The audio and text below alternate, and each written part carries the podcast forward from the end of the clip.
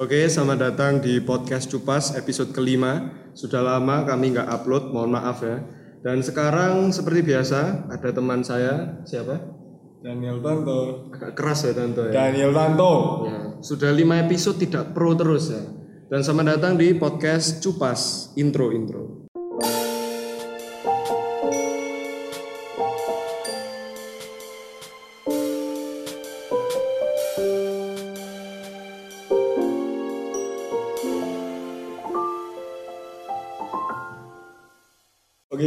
Jadi hari ini kita akan membahas mengenai kisah kasih di SMA. Yoi. Di mana gejolak dari SMP ke SMA ini membawa banyak perubahan. Salah satunya di bidang percintaan ini. Tapi kali ini di episode kali ini kita nggak sendirian karena ada siapa teh? Siapa Tanto? Saya tidak tahu. Yang benar kamu teh. Ya, ya silakan bintang tamu memperkenalkan diri. Ya, halo, aku Devina Jesslyn, dipanggilnya biasanya Jessie. Aku Naomi. Oke, jadi mereka berdua adalah teman kami di SMA dan kenapa mereka ada di sini toh? Alasannya kenapa? Karena menurutku mereka berdua ini salah satu yang memiliki pemikiran dewasa mengenai percintaan juga. Jadi memiliki banyak pengalaman juga lah salah satunya menghadapi gejolak percintaan di SMA ini, Theo. Jadi apakah Jesse dan Naomi sudah pro? Anda sudah merasa pro? Hmm, kalau pro enggak sih, cuman mungkin kayak belajar dari setiap kayak misalnya deket gitu terus belajar dari situ dari patah hati belajar. Wah, low profile sekali nih. Jadi Gimana kira-kira kalau Naomi? ya kira-kira Naomi Kalau gimana? menurutku Ya jangan malu-malu ya. Santai aja. Santai santai. Ini podcast santai, oke, bukan komedi tapi santai, santai. Jessie itu pro. Kok Jesse? Kamu bertangan. Enggak, enggak, enggak. Jessie yang pro Jessie. Sudah melewati banyak Cobaan, bintangan gitu ya. Dan kalau Danto kira-kira gimana pengalamanmu di SMA ini? Kan Danto tuh terkenal playboy gitu. Enggak lah, guys. Suka menggait wanita-wanita muda yang dua tahun lebih muda di bawahnya. Kamu terlalu mengejat saya, Bro. Jadi Lo tuh bukan sukanya yang lebih tua ya Dante? Lu 10 tahun lebih tua maksud Anda apa? sama Ibu Anjem. Oke, lanjut. Kira-kira Danto gimana pengalamanmu di SMA ini? Oh, jadi saya yang dibahas ya di podcast kali ini. Loh, kita, kita di sini sebagai host itu memberikan contoh dulu, Oh, iya, buat oke, uh, oke. pemirsa mendengar. Ya kalau aku sih menurutku ya ada perbedaan lah di SMP sama SMA itu. Maksudnya jad- menjadi satu titik balik yang nggak aku expect sih. Maksudnya terkadang memulai pacaran tapi nggak tahu kenapa kok aku harus memulai pacaran itu? Sampai satu titik ya adalah pengalaman tersendiri di SMA ini akhirnya membuat aku sadar sih. Oh ternyata ya nggak semuanya bisa mengerti apa yang aku mau dan nggak semuanya harus aku buat mengerti. Jadi ya tentang percintaan ini bukan bicara soal soal kita keren-kerenan aja atau bicara soal kita pengen senang tapi yang terutama itu kita siap nggak menghadapi yang akan terjadi saat kita pacaran Ya benar sih. Ya, terus kalau Jesse kira-kira apakah kamu ada di dalam hubungan? Terus kalau misalnya ada, kenapa gitu kok memilih ada di dalam hubungan? Padahal kan banyak orang bilang kalau katanya SMA itu masih kecil gitu, belum cukup umur. Hmm, sebenarnya untuk saat ini sih sebenarnya sebelum ini beberapa bulan beber- eh, tahun lalu sih lebih tepatnya itu kayak udah ngakhiri sebuah hubungan terus sempet nggak mau kayak udah ah nggak mau lagi sampai masa-masa mahasiswa gitu maunya. Cuman nggak tahu kenapa ya datang aja dan mungkin cocok ngerasa pas jadi coba lagi. Kita nggak boleh takut buat mencoba. Kau datang dan jantungku Oke, eh, ada- to- tolong diam dan to- Terus kalau misalnya Nao, kira-kira gimana? Ada dalam ada Naomi satu ini eh siapa? Siapa? Nggak tahu Naomi silakan Anda yang tahu. Kalau aku sih pernah sekali. Wah, Waktu SMA atau? SMA. terlalu oh, terlalu setia Kalau deket. Ada SMP, Tapi enggak, enggak sampai. tapi nggak sampai pacaran. Oke, terus kira-kira Danto, menurutmu SMA ini waktu yang tepat atau enggak untuk pacaran? kalau buat aku pribadi sih yang lebih suka kebebasan gitu ya aku ngerasa ya begitu punya hubungan yang sedikit spesial dengan suatu dengan satu orang ini ya menurutku akhirnya membuat aku sadar ternyata aku masih belum siap buat menghadapi itu semua karena kan kalau kita bicara soal pacaran ya pertama harus balas chat cepet terus ya maksudnya setidaknya bisa ngabari lah aku ini susah gitu buat Iya, itu VYI Danto itu slow respon banget, guys. Sibuk, kalian ngechat banyak hari iya, kalian ngechat hari ini, dibalasnya tuh besok malam jam 11. Persis kayak surat dua hari hari baru nyampe. Balik zaman waktu. Ya, Jadi kalau- komedi ya. ya kalau aku sih seperti itu lah. Aku lebih dapatnya tentang di SMA ini tentang kesiapan hati kita buat menerima situasi dalam pacaran itu lagi. Tapi yang aku mau tekenin dan aku masih penasaran sih kenapa ya kalau waktu SMP itu masih biasa-biasa aja kalau misalnya dalam percintaan. Tapi begitu aku naik ke SMA lu kok semakin banyak teman-teman saya yang berpacaran. Nah, seperti itu menurut anda gimana Jesse dan Nau waktu kenapa kok bisa sampai apa ya senjomplang ini gitu ya maksudnya Iya. dan Nau? Sebenarnya nggak jomplang sih, soalnya di SMP juga udah pernah. Cuman iya. di SMP tuh bedanya kalian tuh bi- masih bingung kayak sebenarnya nih cinta apa enggak, suka apa enggak sebenarnya cuman suka sesaat aja. Tapi kalau di SMA kan kalian udah mulai belajar buat serius gitu. Jadi beda pasti SMP sama SMA. ya mungkin kalau pas SMP itu kayak Main-main gitu. iya main-main kayak baru dibolehin orang tua kayak pas SMP aja boleh pacaran. Jadi kayak ya udah nyoba semua gitu. terus pas SMA kayak kapok dan kayak ya maunya yang kayak sama yang pas aja gitu. Menurut kalian ya Jesse dan Nau atau bahkan juga Danto ya, kamu juga lah kamu harus tak saya saya di sini tahu sebagai kamu loh. Saya ya. di sini sebagai host. Kamu mentang-mentang pacaran dari SMP ya. lu Ketahuan. tidak Lanjut, tidak. pura-pura pura-pura. lanjut lanjut, lanjut. Nah menurut kalian ini SMA itu waktu yang pas atau memang masih terlalu kecil juga gitu? Kan masih banyak pro kontra gitu. Sebenarnya kalau aku ada ada pro kontra sih. Kalau eh pronya itu kalian bener waktu masa SMA cari pacar. Soalnya waktu kuliah itu kalian tuh bahkan satu kelas aja ada yang bisa nggak kenal. Susah gitu cari eh, pacar. Apalagi di Cari lingkungan kenalan. ya di lingkungan kerja itu di lingkungan apa? Stok dikit. Stop dikit. Kan menipis kan. Cowok semakin menipis guys. Kalau di lingkungan kerja apalagi? Kalian tuh cuma di lingkungan kerja aja. Kayak misalnya kalian di bank atau kalian di suatu tempat perusahaan kayak cuman itu itu aja gitu. Tapi kalau di SMA tuh kalian masih bisa lihat banyak gitu, bisa sekolah lain juga. Dan kalau SMA tuh tujuannya lebih kayak oh aku bahagia sama dia. Tapi kalau di kerjaan tuh kayak oh dia mapan nggak ya? Dia nanti gimana ya ke depannya sama aku kayak gitu. jadi terjadi perubahan pola pikir ya Jess ya, Iya. di setiap Tapi kalau kontranya sih kalau SMA tuh biasanya kayak eh, kita kita anggapnya serius banget, tapi waktu kita nanti udah kuliah kayak alah SMA tuh cuman cinta monyet gitu. Padahal kita dulu nganggapnya serius gitu kayak eh, mungkin SMA pemikirannya pemikirannya dewasa cuman kurang dewasa lagi gitu sih. mengarah ke dewasa Ya, tapi belum dewasa. Kalau Nomi gimana? Ya setuju sih sama Jessie. Kalau pas SMA itu menurutku kayak harus nyari banyak kenalan. Soalnya pas kuliah pas kerja itu kayak sosialisasinya terbatas sempit. gitu. Iya. sempit. Nah, kalau Danto sendiri ya? Ya kalau aku sih bukan bicara soal pro kontra lagi. Kalau aku udah menyimpulkan dalam diriku.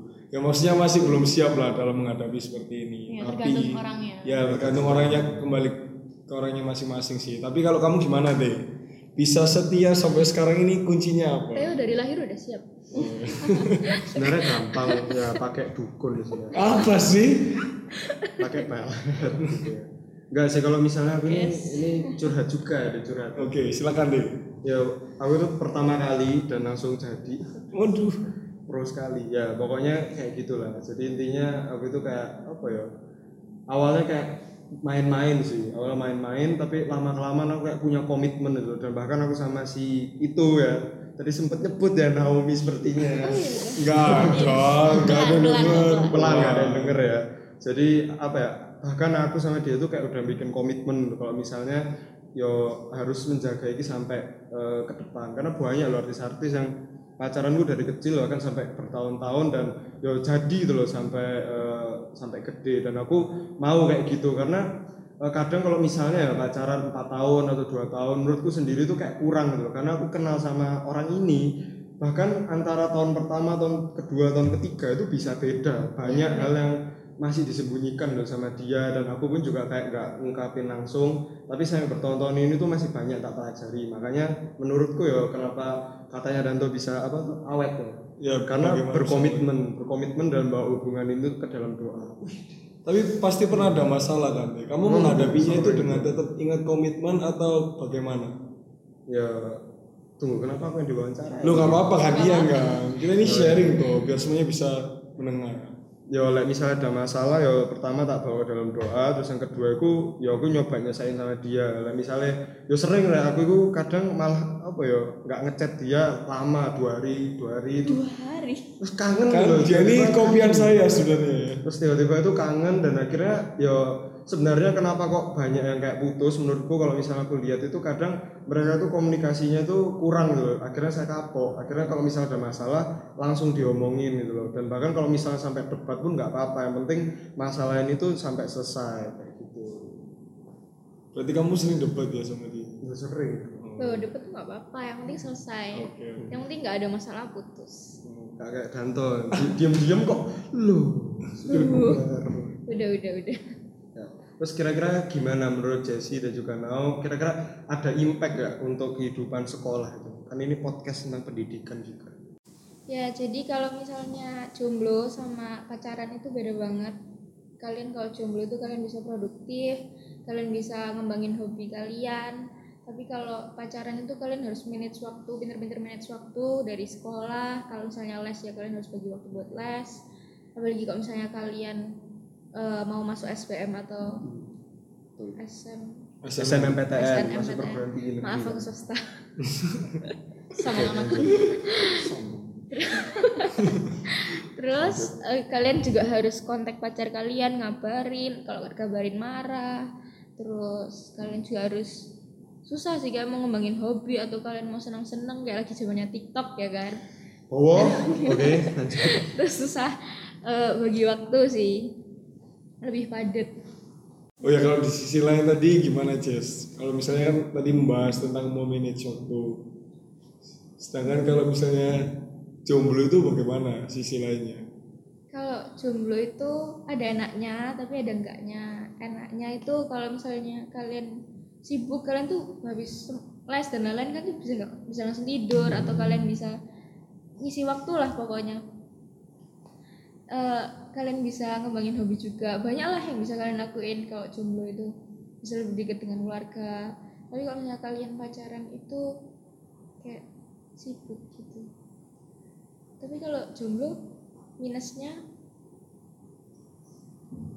stres Bisa tahu sih menurut aku Ya menurut kamu kenapa kok bisa stres itu? kak stresnya nggak tiap hari cuman maksudnya kalau misalnya Ada masalah tertentu. Iya, momen tertentu kalau misalnya kalian butuh seseorang, misalnya lagi mas ada masalah sama keluarga ya, atau masalah sama temen, kalian yang nggak bisa cerita ke keluarga, pokoknya susah lah. Kalian cuma bisa cerita ke orang, tapi pacar kalian tuh nggak ada gitu, jadi cerita ke siapa? Atau temen true friend kalian lagi nggak ada sibuk, sibuk sibuk. ya, jadi susah gitu. Kalau kalian pacaran tuh kalian bisa nyam kan nyaman kan, jadi kayak kalian bisa ngeluarin semuanya gitu. Punya tempat untuk cerita. Iya, benar-benar. ya itu kontranya tapi kalau menurutku pro-nya tuh banyak juga kalau jomblo Oke. contohnya Silakan. kita bisa kita banyak waktu gitu loh buat meluangin hobi kita jadi kayak kita tahu kita ini sebenarnya bisanya gimana sih kayak ke depannya mau gimana kalau misalnya pacaran kan kayak sibuk pacaran terus. Tiap hari call video call jalan-jalan. Oke. tapi kok jomblo itu menurutku kayak bisa sih stres kayak kita nggak punya tempat cerita. Cuman ya kita juga punya tempat lain gitu kayak keluarga misalnya atau temen. Tapi ya kalau nggak ada ya stres juga. Jadi intinya Jadi kan aku bilang kalau tapi tapi tapi. Oke. tapi pro nya jomblo itu banyak waktu buat diri kita sendiri. Makanya kayak orang-orang banyak kan yang lagi zaman kalau putus itu gara-gara kita itu nggak lagi love ourselves gitu loh Hmm. jadi kayak biasanya kan sekarang kan alasannya kalau putus kan kayak pengen waktu Iya, buat diri sendiri. waktu buat diri sendiri kayak aku kurang mencintai diriku sendiri jadi kayak waktu jomblo ini kan harus kita manfaatkan baik-baik jadi buat kayak mengenal diri kita sendiri gitu Tapi aku mau balas Naomi. Oke, silakan, silakan. Seru ini, seru. Ya sangat seru loh. Oh banyak belajar, banyak. Kan dia bilang love ourselves itu penting banget sih. Kayak kalian harus cintain diri sendiri. Tapi kalau kalian dalam pacaran kalian bisa juga. Jadi kalau misalnya dalam, dalam pacaran ada beberapa couple yang kalau misalnya kalian lagi butuh me time ya istilahnya. Semua orang kan butuh me time. Hmm, betul. Kalian kayak namanya tuh masuk gua. Jadi kalian itu punya waktu me time itu kalau misalnya kalian udah selesai me time-nya kalian boleh balik. Kalau di relationship itu harus ada kayak gitu sih sebenarnya. Jadi nggak boleh kayak kalian me time terus kalian kayak tiba-tiba minta putus atau minta break. Padahal sebenarnya kalian cuma butuh waktu buat diri sendiri. Kayak ada fase-fase yang kalian tuh butuh buat diri sendiri gitu loh. Kayak gitu sih. Ya setuju sih. Tapi kalau misalnya kasusnya apa? Minta waktu sendiri atau misalnya minta waktu break ya, terus akhirnya keterusan dengan terbiasanya waktu itu akhirnya maksudnya akhirnya si orang ini tuh terbiasa oh ya wis rasanya kok aku nyaman-nyaman aja ya kalau break ini. Berarti itu ada yang dipertanyakan dalam hubungannya atau bagaimana ya Jess? Kalau menurutku sih itu berarti emang orangnya belum siap bagi waktunya sama orang lain, terus dia juga belum sepenuhnya mencintai diri sendiri. Jadi dia butuh waktu lah buat dia sendiri. Kak. Pasti orangnya itu yang eh, merasa kayak itu pasti dia punya banyak kegiatan, jadi dia merasa pacaran itu kayak ribet gitu. ya kadang kalau pacaran itu kayak kita tuh belum mencintai diri kita sendiri kan. Jadi kayak kita terlalu sibuk buat cinta Butuh dia cinta dia. enggak cinta dia cinta dia cinta dia. Jadi kayak kita nggak mencintai diri kita sendiri. jadi Padahal itu Ya. juga penting kan ya. itu bisa menyebabkan toxic relationship sih menurutku. Ya oke, sekarang kita semakin merujuk lagi mengenai relationship yang yang sisi positif dan negatifnya. Tadi kan kita udah banyak bahas tentang positifnya, tapi di sini kami juga melihat banyak fenomena sih yang terjadi. Terutama saat kita remaja ini juga ada istilah yang namanya toxic relationship. Toxic. Toxic, toxic, ya sorry ya guys. Saya kok di roasting ya di sini ya. Ya. Oke, bagaimana tuh tentang istilah ini? Ya menurutku bener sih karena nggak semua relationship itu eh, apa Healthy. ya? Ya bener sehat atau kayak apa ya berguna tuh loh. Akhirnya jatuhnya jadi simbiosis mati simbiosis? Parasitisme. Parasitisme.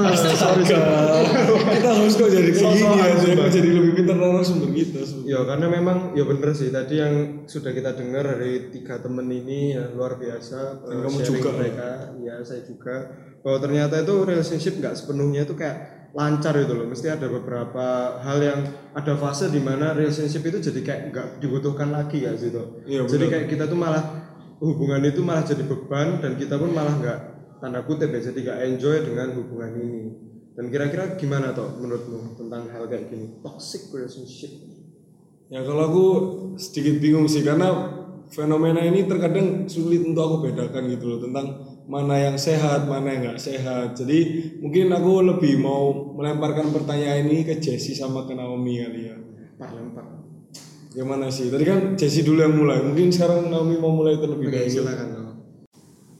Menurutku ya toxic relationship itu kayak ya yang tadi tak sebutkan itu. Jadi kayak kita terlalu sibuk ngurusin hidupnya orang lain kita nggak ngurusin hidup kita sendiri. Terus kayak bisa jadi ya kayak pasangan kita itu posesif misalnya. Itu kan kayak toxic itu toxic banget itu menurutku. Jadi kayak membatasi sosialisasi orang lain gitu Ya dan aku mau, ya aku mau nang- nanggepin sih dan sangat setuju sekali fenomena ini ternyata ya di sekitarku juga banyak juga ya nggak cuma di sekolah di lain tempat pun ya ada. Kalau misalnya hal tentang po- posesif ini nah, ya setuju sih tentang apa membatasi channel kita, membatasi pertemanan kita dan lain sebagainya. Tapi di sisi lain mungkin mereka berpikir, oh ya normal ya kalau misalnya posesif itu tanda cintaku kepada pasanganku tapi kalau berlebihan ya aku sangat setuju nggak nggak baik buat kita tapi yang aku bingungkan itu kenapa ya kok mereka itu masih bisa bertahan gitu loh Nau. padahal kalau aku lihat hubungan yang seperti ini yo aku pribadi harus gak kuat kalau misalnya hal seperti itu karena kan kalau kita berpemikiran sehat ya kita lihat tuh ternyata itu nggak baik gitu loh ya biasanya sih yang kena toxic yang diposesifin ini biasanya kayak masih di masa-masa di mana dia itu terlalu bucin kayak Hmm, baru baru iya, iya, baru kenal bisa. Kayak langsung diposesifin kayak dia mungkin mikir kayak oh itu kasih sayang dia buat aku. Padahal sebenarnya lebih ke obsesi. iya terus kadang tuh juga ada juga yang kayak udah lama pacaran eman gitu pacaran udah lama kayak nggak jadi jadi kayak ya udahlah kayak tahanin aja gitu loh. Jadi tetap harus ada akal sehat ya dalam hubungan itu tadi ya? Ya sisi silakan. Eh, kalau menurutku sih sebenarnya semuanya tuh diawali sama percaya. Itu penting banget trust itu penting banget soalnya kalau kalian nggak trust sama pasangan kalian sendiri gimana kalian jalin hubungan trust itu bisa eh, nyambang ke mana-mana dari kalian percaya misalnya kan sekarang lagi zaman couple-couple yang Instagramnya connect itu ih Lainnya Iya, iya, setuju, connect. setuju. bahkan ada yang lainnya connect di laptopnya cowoknya itu sampai diliatin dibalesin chatnya, sama cowoknya dibalesin sama cowoknya tuh menurutku kayak toxic soalnya eh, itu kalian tuh tiap manusia tuh harus punya privacy sih menurutku Iya, iya. jadi eh, meskipun kalian nggak ngelakuin hal aneh atau selingkuh kayak ya percaya aja sama pasangan kalian apa salahnya gitu loh ngapain harus connect kayak gitu terus sekarang ada lagi yang kayak GPS buat Oh iya, saya bisa tahu lokasinya iya, itu tuh. yang namanya Zenly itu kalian bisa tahu baterainya di mana berapa kilometer per jam kayak bener-bener eh, apa ya terlalu posesif sih menurutku. Kalian kan bisa ngabarin gitu loh kayak aku udah di sini aku udah sampai itu kan bisa sih. Ya, itu pacar atau bapak grab ya? Sampai Gimana tuh? Kamu dengan fenomena ini apa tuh? Dua anak zaman sekarang ini ya sungguh luar biasa. Tapi jujur ya dulu aku pernah ada di fase itu waktu awal-awal pol karena biasanya juga masih polos masih belum tahu apa-apa. Tapi akhirnya semakin ke sini aku semakin belajar. Kalau apa ya mencintai itu harusnya itu bisa membebaskan bisa membuat membawa pasangan kita itu melihat dunia. Masa dikurung? Justru kalau ngikat itu kayak kalian juga ngikat terlalu itu juga tambah bosen gitu. Mending Hmm. sama-sama punya waktu lah. Jangan terlalu ngikat gitu. Sama-sama ngerti ya berarti satu sama lain. terus yang kayak posesifnya yang trustnya misalnya punya temen cewek itu cemburu banget kayak ceweknya jadi kamu nggak usah temenan sama dia atau gak, eh, lebih baik nggak usah temen sama cowok-cowok aja nggak usah sama cewek-cewek gitu. Buat apa sih? Kan ada ada udah ada aku gitu. Betul. itu kayak kan cuma temen gitu loh. Kalau misalnya emang niatnya si cowok selingkuh ya bakal terjadi. Cuman kalian harus percaya gitu loh kalau emang cowoknya buat apa milih kamu kalau dia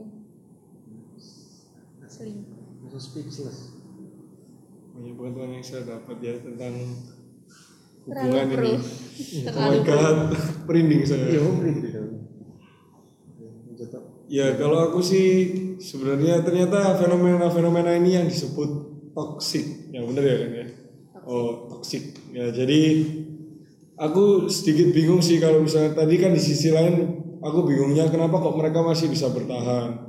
Tapi di sisi lain mungkin itu banyak terjadi di cewek atau cowok ya kalau tentang kayak gini itu. bisa cewek dua-duanya sih iya cewek bisa Cowok juga cewek bisa. cuman cowok juga sih. kebanyakan yang diposesifin itu yang cewek Hmm. Hmm. tapi cowok juga bisa baru-baru ini juga ada kayak banyak sih. iya cowok diposesifin kayak nggak boleh temenan sama ini nggak boleh temenan sama itu terus sebenarnya semua ini tuh ngaruh ke insecure insecure Oh iya iya. jadi kalau misalnya kalian posesif kayak dia merasa misalnya aku ya Hmm. posesif sama pacarku kayak kamu nggak boleh temenan sama dia kayak aku mungkin si cewek ini merasa cewek itu lebih cantik atau lebih lebih, Lebih dari lah. aku lah ya Lebih lebih lah jadi kayak merasa takut cowoknya kecantol lah atau apa itu semua kayak dari insecure sih Berarti keposesifan itu bisa menggambarkan diri kita berarti ya kenapa Iya. kok kita Ya, terlalu itu juga posesif. yang Berhubungan. love yourself Iya, itu kamu harus love yourself dulu. Oh, yes, yes. Terus kalau dari cowok tuh eh, juga sama sih dari fisik biasanya kayak takut kecantol sama cowok ganteng lah atau cowok yang lebih dari hobi ini. Dari fisik sih biasanya kecantol atau di chat udah nyaman kayak takut gitu. Berarti kita ini harus selalu pede nih kalau kita Iya kalian harus cintai diri kalian sendiri. Kalau enggak gimana orang mencintai diri kalian?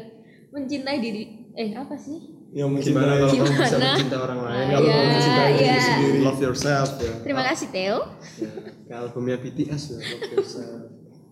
Army ya anda Oh, bukan, Blink. Oke, lanjut. kok menyimpang. terus kalau misalnya teman-teman yang udah denger ini terus mereka sadar oh ya mungkin hubunganku kok sedikit mengarah ke toksik tadi Iya. itu. Bagaimana ya kira-kira solusinya just stay now?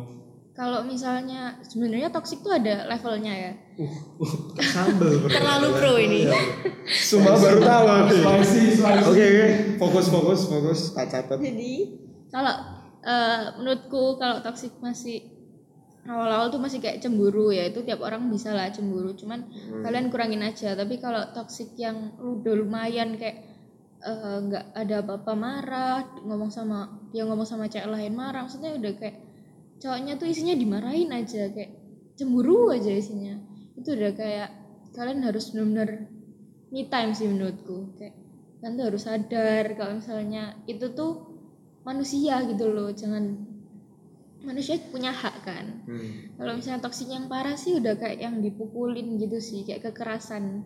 Itu toksik kayak misalnya eh, cowoknya marah di mobil terus tiba-tiba ceweknya turunin atau dipukul Iya tangannya. kayak baru-baru ini ada berita kan yang di YouTube itu yang itu cewek di posesifin sama cowok. Terus cowoknya tuh kayak mau suka mukulin ceweknya Iya. cuman besoknya langsung baikan kayak langsung Iya. nangis minta maaf gitu. Soalnya jadi biasanya itu kalian kalau udah kayak gitu sih kalian harus putus sih menurut aku. Soalnya itu juga kalau misalnya kalian nikah sama orang kayak gitu punya anak itu bakal nggak enak sih jalanin hidup sampai ke depannya ranahnya ke KDRT ya takutnya iya. Soalnya menurut dia udah biasa kayak mukul gini misalnya. Terus habis itu mohon-mohon ngasih bunga atau ngasih coklat. Dan kalian tuh ceweknya juga harus maafin. itu mikirin nasib anak kalian tuh gimana Iya. nanti. Misalnya kalau kalian ini memiliki pemikiran yang dewasa sekali ya. Gimana ya kan? gimana? Ya kan?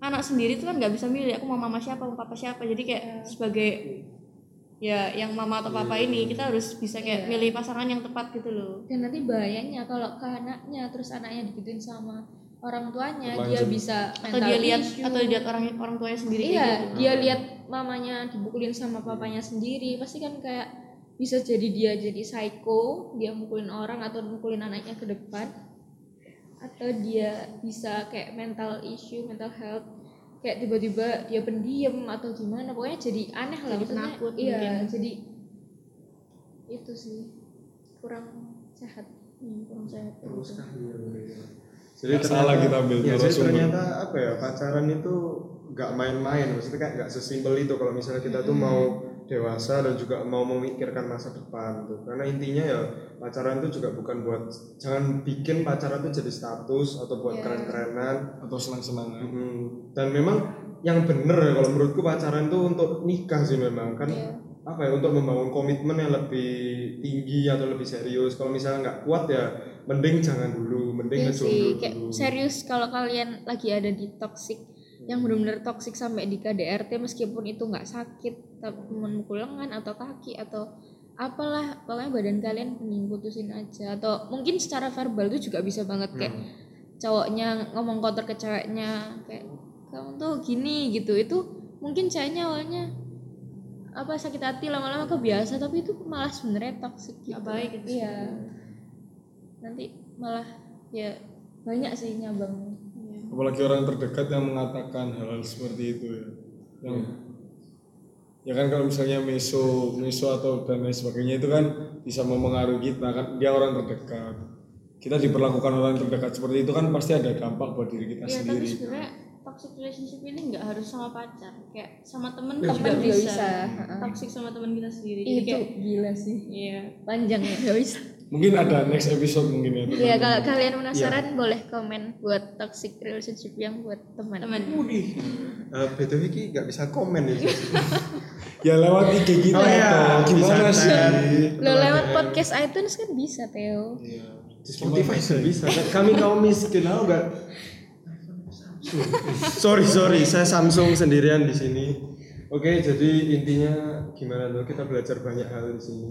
Kita tanya Oh kesimpulan tunggu dulu. punya oh, iya, apa ya? kesimpulan. Terus kalau kalian lagi toxic itu jangan takut buat putusin. Misalnya kan udah empat tahun lima tahun jangan pernah takut buat putusin. Soalnya itu masa depanmu. Iya. Memikir ke depannya aja meskipun sih. kalian sayang sama dia gantengnya kayak apa pinternya kayak apa tapi kalau misalnya dia toxic buat kamu jangan. Soalnya itu cuman semata aja. Nanti kalau udah nikah itu semua berubah. Oke jadi buat pendengar ya yang mungkin udah juga umurnya udah pada SMA dan kalian di masa-masa kalian kayak pengen nyari pacar benar-benar diingat dan juga buat kalian yang lagi ada di toxic relationship yang sangat tidak sehat ya kalian tuh harus berani untuk mengakhiri hubungan itu. Karena yo love yourself sayangi diri kalian dan juga eh, pacaran itu bakal sampai nanti tuh kalau misalnya kalian itu tahan atau kalian itu gak berani untuk putus ya itu bakal bahaya buat ke kalian. Jadi mumpung kalian ini dalam masa-masa di mana kalian apa ya kayak pengen berani untuk bilang ya jangan pernah takut untuk bilang kayak gitu harus punya kekuatan untuk berani bilang tidak pada Iya, narkoba semangat ya. pada toxic relationship kalian pasti galau awal-awal Iya. tapi kalian pasti ngerasa lega kalau udah ngelepasin toxic Iya, relationship benar. itu ya kan Oke, sebelum kita tutup podcast kita pada hari ini, mungkin ada kesimpulan yang mau Jesse sampaikan tentang podcast kita hari ini. Mungkin juga dari Naomi, dari Theo dan juga saya. Dimulai dari siapa? Theo dulu. kan sudah saya Oh, barusan iya. Oke, Jesse, Oke, Jesse. Jesse. Eh, kalau aku kalau misalnya kalian masih SMA atau SMP kalian kalau mau pacaran mikir-mikir dulu aja kalian tuh udah siap apa belum kalian bisa manage waktu apa enggak apalagi kalau misalnya kalian IPA ya terutama itu lebih padat sih jadwalnya bukan pengguna IPS ya cuman kalian tuh lebih padat sih soalnya susah terus kalau masalah toksik kalian lebih baik mengenal diri kalian sendiri dan kalau misalnya yang denger sendiri kalian itu merasa kalian toksik ya kalian coba buat ubah diri sendiri.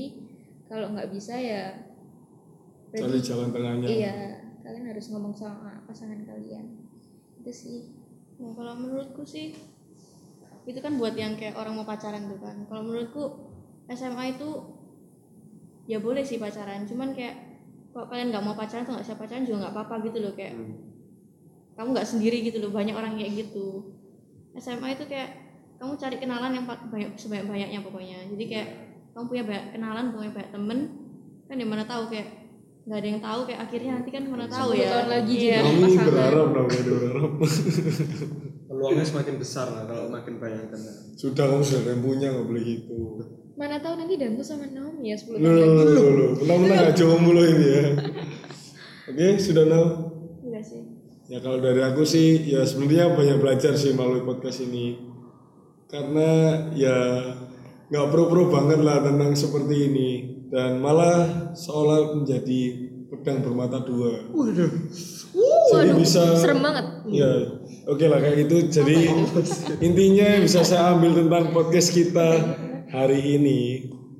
Terima kasih buat Jesse dan Naomi karena saya banyak belajar dari teman dari Jesse sama Naomi dan juga satu hal yang aku nggak sadari sih kadang-kadang tentang toxic toxic toxic. toxic. Aduh kebanyakan ngomong eh, di Mobile Legends toxic toxic Toxic. toxic. kamu harus. Toxic. memperdalam Toxic. bahasa Inggrismu nanti Ya oke terima kasih. ya jadi apa tentang toxic rela- relationship tadi itu menjadi apa ya indikator juga sih nanti kalau misalnya aku menjalin hubungan yang baru dan sebelum menjadi indikator itu aku juga akan merefleksikan diriku ya apakah aku sudah sudah mengerti apakah aku mencintai diriku sendiri dan juga agar nanti pasanganku bisa aku cintai lebih baik lagi. Ya, terima kasih juga buat Theo sama Daniel yang Thank ya udah ngundang kita thank you. Oke eh, promo IG aja atau kalau nggak mau nggak apa-apa boleh boleh Ya, silakan. at in- Instagramnya at Devina Jaslin ya TikTok, Oke. TikTok, TikTok. jangan malu dong nanti oke YouTube nggak Em, nanti tunggu berkembang dulu aja ya Baik, baik tak tulis semua harus mau silakan. Kalau Naomi, Instagramnya Carolina Vika, TikToknya Carolina Vika juga. jangan jangan tanya ya Naomi sama Carolina Vika dari Jauh memang nanti apa cerita. Oke deh, ada yang mau kamu sampaikan kesimpulan terakhir mungkin atau sudah cukup? Terima kasih sudah mendengarkan podcast kali ini dan semoga uh, bermanfaat. Thank you, thank you, God bless you. Semoga Thank you. memberkati. Thank you, thank you.